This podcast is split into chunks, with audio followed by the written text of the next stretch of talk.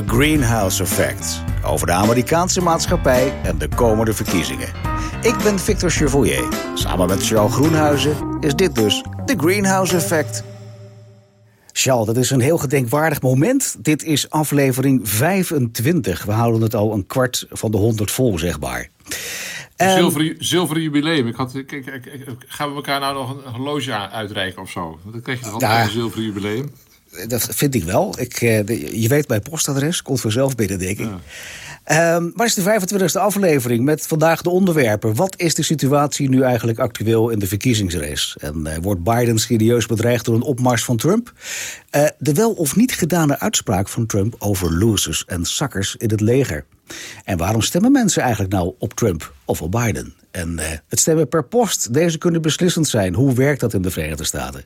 Laten we bij het begin beginnen, Charles. Um, wat is de situatie actueel in de verkiezingsrace?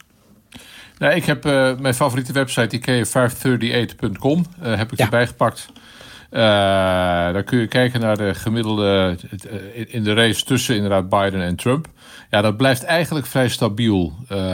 als je er heel secuur naar kijkt, dan zie je Biden een paar tienden van een procent terug omhoog kruipen. En dat hij dus in de afgelopen pakweg tien dagen wat gezakt was. Het procent of anderhalf. Ja. Uh, het, het Trump blijft op 43 procent. Het blijft een verschil uh, van 7,5 procent. Dat is wel vrij fors. Mm -hmm. uh, dus het, het, het, het, lukt Trump, laat ik het zo zeggen, het lukt Trump niet om de achterstand op Joe Biden in te lopen. Heb jij de indruk dat hij zich echt zorgen maakt? Mm, nou, ik zou hem dringend adviseren dat wel te doen. Uh, want in 2016 ja, hebben we gezien maar wat dat er was kan gebeuren. niet. ja. Ja. Uh, nou, ik denk, ik denk dat ze wel heel secuur opletten. Uh, de hele kwestie rond het geweld en de rellen en de plunderingen enzovoort... die we de afgelopen week hebben gezien... wat nu wat gekalmeerd lijkt te zijn... Mm. daar maken ze zich geweldig grote zorgen over... omdat ze zo ontzettend moeilijk een, een tegenverhaal konden verzinnen om, om tegenwicht te bieden aan, het, aan de enorme, ja, ik zou bijna zeggen, bombardement van Donald Trump en de Republikeinen. Uh, omdat die, ja, het, het, het, heel, heel knap lukte om, om het zo voor te stellen alsof het alleen maar ging over een, een, een oprukkende hordes, linkse fascistoïde, ja, linksradicale precies. anarchisten enzovoort.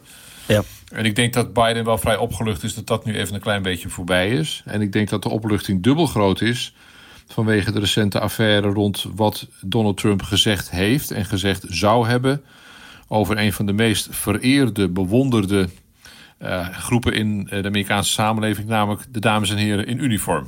Ja, precies. Want hij heeft iets gezegd over losers en suckers in het leger. En dat schijnt ook al van een aantal jaren geleden te zijn, hè? Dat hij dat Ja, dus, het is een paar jaar geleden dat hij in Frankrijk was voor een herdenking ja. van de Tweede Wereldoorlog. Nou ja, dat weten we allemaal, heel veel Amerikanen omgekomen. Een heel gevoelig punt. Uh, hij wilde op een bepaald moment niet, de precieze details weten we niet, naar een herdenking toe, omdat de helikopters niet konden vliegen vanwege het slechte weer. Dan moest hij drie kwartier in een auto, dat wou hij niet. En toen zou hij gezegd hebben, nou ja, het is ook een stelletje losers en suckers die daar liggen. Um, en, en, en bij, intussen... bij, wie komt dit signaal vandaan dan? Wie, wie, wie is er gekomen met dit nieuws? Dit, dit verhaal is in eerste instantie gepubliceerd in het maandblad The Atlantic. Ja. Haakjes openen, een blad wat ik iedereen die geïnteresseerd is in Amerika dringend zou adviseren. Haakjes sluiten. Maar het is vooral een heel serieus. Ik heb geen aandelen. maar is dat, is dat voor, voor zowel de mensen die van republikeinse kant zijn, of is dat ook voor mensen die democraat zijn? Nou, ik denk dat dit wel overwegend de redactie wel demo, eh, democratisch is. Maar het, ja. ze hebben ook vooral heel veel artikelen over hoe gaat het met de Amerikaanse samenleving, wat verder niet heel erg ideologisch gekleurd is. Mm -hmm. uh, en dit verhaal, uh, de hoofdredacteur is daarover ook veelvuldig in de media verschenen. Heeft, heeft gezegd, ik heb een aantal anonieme bronnen van mensen die er daarbij waren. Ja. Uh, die gehoord hebben wat daar gezegd is. Je zou. Uh, dus het is echt geverifieerd. Het is echt wel dat het uit meerdere kanalen uh, bevestigd is dat hij dat uitgesproken heeft. Ja. maar het is wel verkiezingstijd. Hè? Het wordt snel iemand in zijn schoenen geduwd. Dit. Ja, nee, dat, dat, dat klopt. tegelijkertijd zijn er een aantal media, onder andere CNN en de Washington Post, die zijn ook gaan rondbellen bij hun contacten. En kwamen ja. tot vergelijkbare conclusies. en te, nog eentje, heel pikant. De National Security correspondent van Fox te uh, televisie. Dat is over het algemeen uh, de slippendragers van Trump. Die mevrouw is ook gaan rondbellen, heeft hetzelfde verhaal gehoord. Terwijl collega's van haar on the air zaten te vertellen dat het weer zo'n schandelijk links complot was. Ik zeg het even in mijn eigen woorden. Mhm. Zij zei van ja, maar ik hoor het van mijn bronnen precies hetzelfde. En tenslotte, Victor, en dat is denk ik het allerbelangrijkste. Kijk, als ik zou horen dat bijvoorbeeld Mark Rutte zoiets over militairen zou zeggen. Of, even terug naar Amerika, vicepresident Mike Pence. Uh, of een andere republikeinse senator die misschien hartstikke voor Trump is. Maar dat soort dingen in een land waarin uh, de men en women in uniform... In de, ik zei het net al een klein beetje, in de allerhoogste achting staan die je maar kunt bedenken. En je zou denken, nou dat kan niet waar zijn dat een president zoiets zegt, of een vicepresident, of een politicus van naam en faam. De enige uitzondering hierop is, sorry dat ik het zeg, is Donald Trump. Om de eenvoudige reden dat hij in het verleden een aantal keren dit soort dingen gezegd heeft. De meest bekende, en die is ook in het openbaar gezegd, over uh, oud en tussen overleden senator John McCain, ook oud presidentskandidaat. Ja, ja, dat uh, Nou, dat is een van, de, een van de helden uh, neergeschoten destijds in Vietnam. Heeft hij jaren vastgezeten in Hanoi. Hij heeft op groep het aanbod gekregen om vrijgelaten te worden. Wat vermoedelijk te maken had met het feit dat zijn vader admiraal bij de marine was. En daar willen ze goede sier mee maken, die Noord-Vietnamezen. Toen heeft mm McCain gezegd van nee, ik kwam hier het laatste en ik ga ook als laatste weg. Ja. Uh, van McCain heeft Trump toen in het openbaar gezegd: van ik hou niet zo van soldaten die neergeschoten worden, gevangen worden genomen. He's a loser. Ja. Nou, Victor, in dat was echt context, heel veel. Ja, precies. Dat, dat is echt een punch on the nose. Maar even terugkomen naar de huidige situatie, waar, waar zo'n opmerking over losers en zakkers uh, speelt. Uh, wat ik dan wel vreemd vind, om even aan uh, Trump kant te mogen zitten, waarom duurt dat drie jaar voordat dit nieuws naar buiten komt? Nou ja, kijk, naarmate verkiezingen naderen, uh, komt er wel meer naar buiten. Het aantal boeken wat bijvoorbeeld nu verschijnt over elke dag één. Over een paar dagen kunnen we het nieuwe boek volgens mij van Bob Woodward verwachten bijvoorbeeld. Nou, we hebben het boek van Mary Trump gezien, van Steve Bannon. En dus ja, dat soort dingen, ja, wie weet dat ook journalisten meer praten met hun bronnen en dit soort dingen naar voren komen. Uh, wat, wat wel permanent tijdens de, het presidentschap van Donald Trump speelt, is zijn zeer gespannen verhoudingen met uh, de topmensen in het Amerikaanse leger. De admiraals en mhm. generaals die met grote regelmaat bij hem aan tafel zitten. En daarvan weten we, en dat is door een aantal uh, toch onafhankelijke bronnen bevestigd. Uh, die verhoudingen met die generaals en admiraals is zeer gespannen. En een tijdje geleden was er een, een bespreking waarin op een goed moment Trump gezegd heeft dat hij helemaal niks heeft aan al die uh, mensen met al die dure uniformen. You're a guy of, uh, you're a bunch of dopes and babies. Zijn een aantal, aantal idioten en baby's, heeft hij toen tegen die. En dat zijn dus potdorie, dat zijn dus de allerhoogst onders, ja, ja, ja, ja, ja. De hoogste in rang van de Amerikaanse landmacht, luchtmacht, Marines enzovoort. Daar zitten echt militaire helden voor in, in Amerikaanse begrippen. En die wegzetten als een bunch of dopes en baby's. En ook mhm. daarvoor geldt, Victor, omdat we nu zoveel van die dingen horen. Uh, en van deel dus in het openbaar, vanuit van zeer betrouwbare bronnen. Voeg daar nog bij, en dan hou ik er echt over op hoor. Dat een aantal mensen die uh, met hem gewerkt hebben, onder andere uh, oud-minister Mattis, ook een oud-generaal. Ja, die hebben dus echt snoei en snoeihard uitgehaald naar Trump voor zijn regeerstijl. En zeggen: dit is gewoon schandalig. En dit is absoluut niet in het belang van het land. Dus in dit geval, kortom, Trump heeft in dit geval zwaar het nadeel van de twijfel. Zwaar is de, heeft hij de schijn tegen. Vermoedelijk heeft hij dit inderdaad zo gezegd. Tegelijkertijd, de Trump-aanhangers zullen waarschijnlijk zeggen van... ja, dag, dit is allemaal een beetje bekokstoofd. Uh, het, het komt er nu pas uit, dus waarom nu? En dat, daarom wou ik het even naar voren brengen nog even. Ja, maar ze hebben, um, ze hebben langzamerhand wel moeite om dit toch verdedigd te krijgen. En je ziet nu bijvoorbeeld in opiniepeiling onder veteranen... en dat zijn de, iets van 16 miljoen veteranen zijn er in Amerika, oud-soldaten... En mhm. daar is een opiniepeiling onder gehouden. Dat is traditioneel is dat conservatief Trump-gezind volk. De aanhang onder veteranen voor, uh, voor Trump neemt op dit moment reëel af. En daar zou Trump zich geweldig zorgen over te maken. Als hij ergens geen verlies mag leiden, ook vanwege politieke prestige, is het wel juist in deze groep, deze vaderlandslievende helden, die die zo te kakken heeft gezet. Ben ik met je eens. Maar je weet, we hebben een hoop luisteraars die uh, toch vinden dat wij twee linkse rakkers zijn. En ik vind dat niet. Ik vind dat we redelijk objectief zijn. Dus ik wil ook even de andere kant uh, wat, wat, wat meer licht geven, zeg maar. Um, terugkomend op de verkiezingen zelf. Uh, vind jij nou dat Biden, we zitten nog op 55 dagen van de verkiezingen af... wordt hij nu echt serieus bedreigd door een opmars van Trump?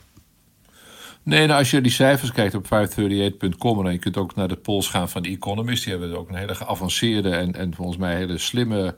Uh, manier van uh, opiniepeilen. En daar echt ontzettend over nagedacht. Ook met in gedachten de fouten van vier jaar geleden.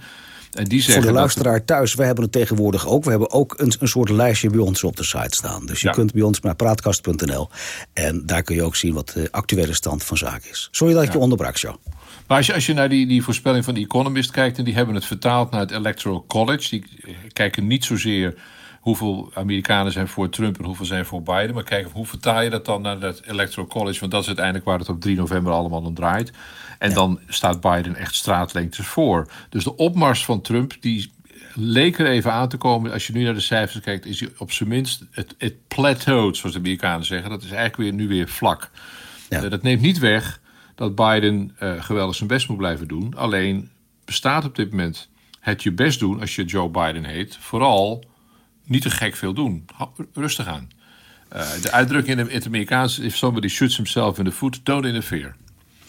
Jij, bent, bent helemaal gek hè, van, al die, van al die staartjes. Um, en, en, je kunt vast antwoord geven op deze vraag die je niet voelt aankomen, denk ik. Maar um, als we het hebben over de stemmers op Biden... is daar nou overwegend de mensen die eigenlijk tegen Trump zijn? Of zijn het mensen die echt wel overwogen op Joe Biden stemmen?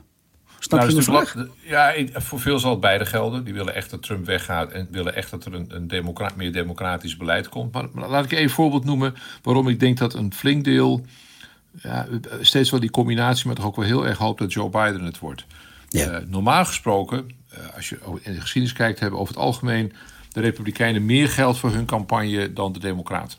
Uh, en dat komt eenvoudig omdat de gemiddelde Republikein meer geld geeft. bedrijven die mee betalen, echt de, de, de, alle rijkste Amerikanen geven. en soms ook echt vele honderden miljoenen. Ja.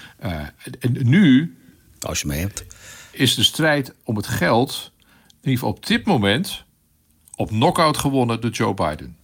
En mhm. wat die campagne dan onmiddellijk doet, is zeggen: Nou ja, we hebben nu, ik geloof, 300 miljoen binnengehaald. En die 300 miljoen bestaat voor het grootste deel uit giften van maximaal 50 dollar bijvoorbeeld. Is toch een bedrag, hè? 300 miljoen. Wat een waarmee, ze, waarmee ze maar steeds willen aantonen, vanuit democratisch perspectief.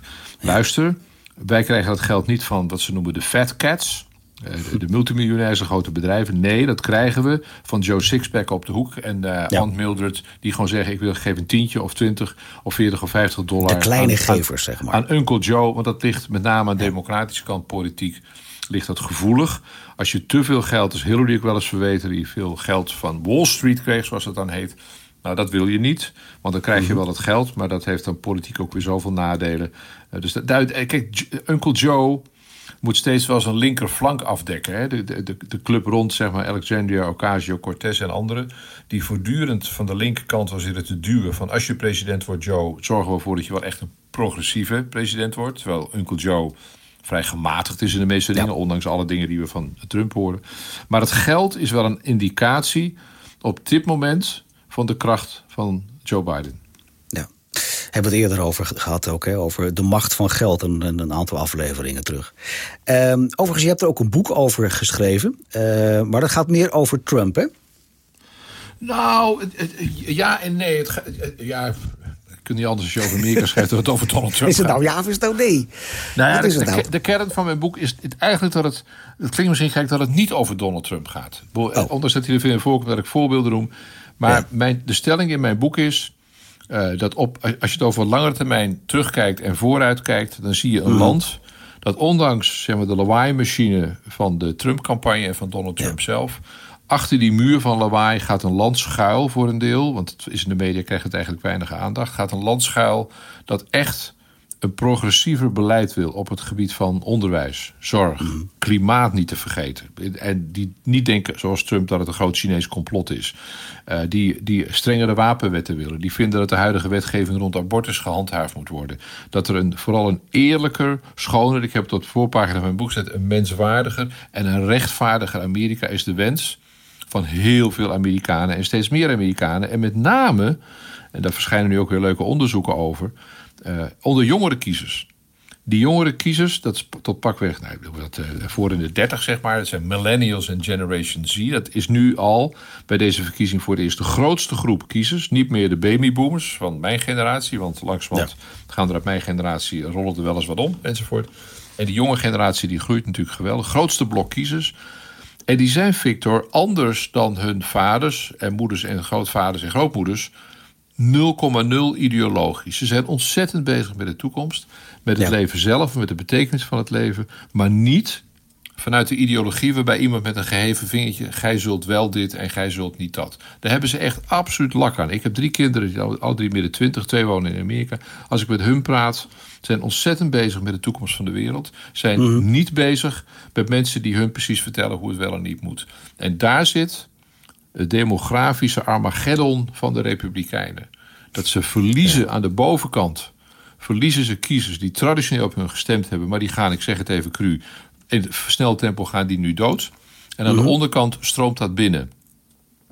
En daar zit, daar zit de grote angst van Republikeinen en terecht. Uh, dat, ze, dat de Republikeinen eigenlijk volledig, wat dat betreft, de boot hebben gemist. Als ik er één voorbeeld van mag noemen. In 2012, uh, toen werd Barack Obama herkozen. 2008 gekozen, 2012 herkozen. En in 2008, toen hij gekozen werd, hadden de Republikeinen zich voorgenomen: we're gonna make sure this guy's gonna be a one-term president. Deze man is nu gekozen. Oké, vonden ze vreselijk. Maar het is niet anders. Ze mochten niet hardop zeggen, wat jonge jongens, een zwarte man in het Witte Huis. Uh, maar dat dachten ze wel voor een deel. En die, het, uh, Obama werd herkozen in 2012. Er is een rapport geschreven door mensen van de Republikeinse Partij. Die zeiden van, holy Moses, we zijn de boot aan het missen. En gelijk, uh, volkomen terecht. Precies mijn analyse in mijn boek ook. Ze zijn de boot aan het missen bij jongeren. Ze zijn de boot aan het missen bij progressieven. En ze zijn de boot aan het missen omdat de godsdienst steeds minder belangrijk wordt in de VS. Er werd een rapport geschreven en het is de geschiedenis ingegaan, Victor, als de, de Autopsy Report of the GOP. Het lijkschouwingsrapport van de GOP, dat staat voor Grand Old Party, dat is de Republikeinse Partij. Als je een rapport laat schrijven het zou, het zou de oude P van de A kunnen zijn. Die liet ook dat soort rapporten schrijven vroeger hoe het allemaal verder moest.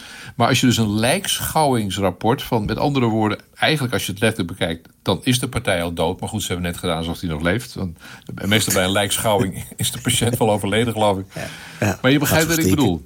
Ja, en dat, de kern daarin was ook, we missen volledig de aansluiting, ik zeg maar even simpel, met alles wat zich in de 21ste eeuw afspeelt. En we concentreren ons volledig op wat er was in de 20ste eeuw.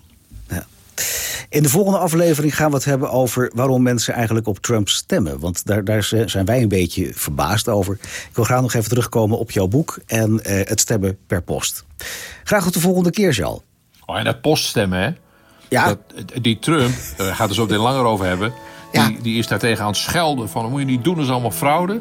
Ja. Het zou kunnen dat wij op 4 november, of misschien een paar weken later zal alle stemmen geteld zijn, tot de conclusie komen dat die mail-in-votes nou, dan gaan we niet verder. Het zou op de kop kunnen kosten. Tot straks.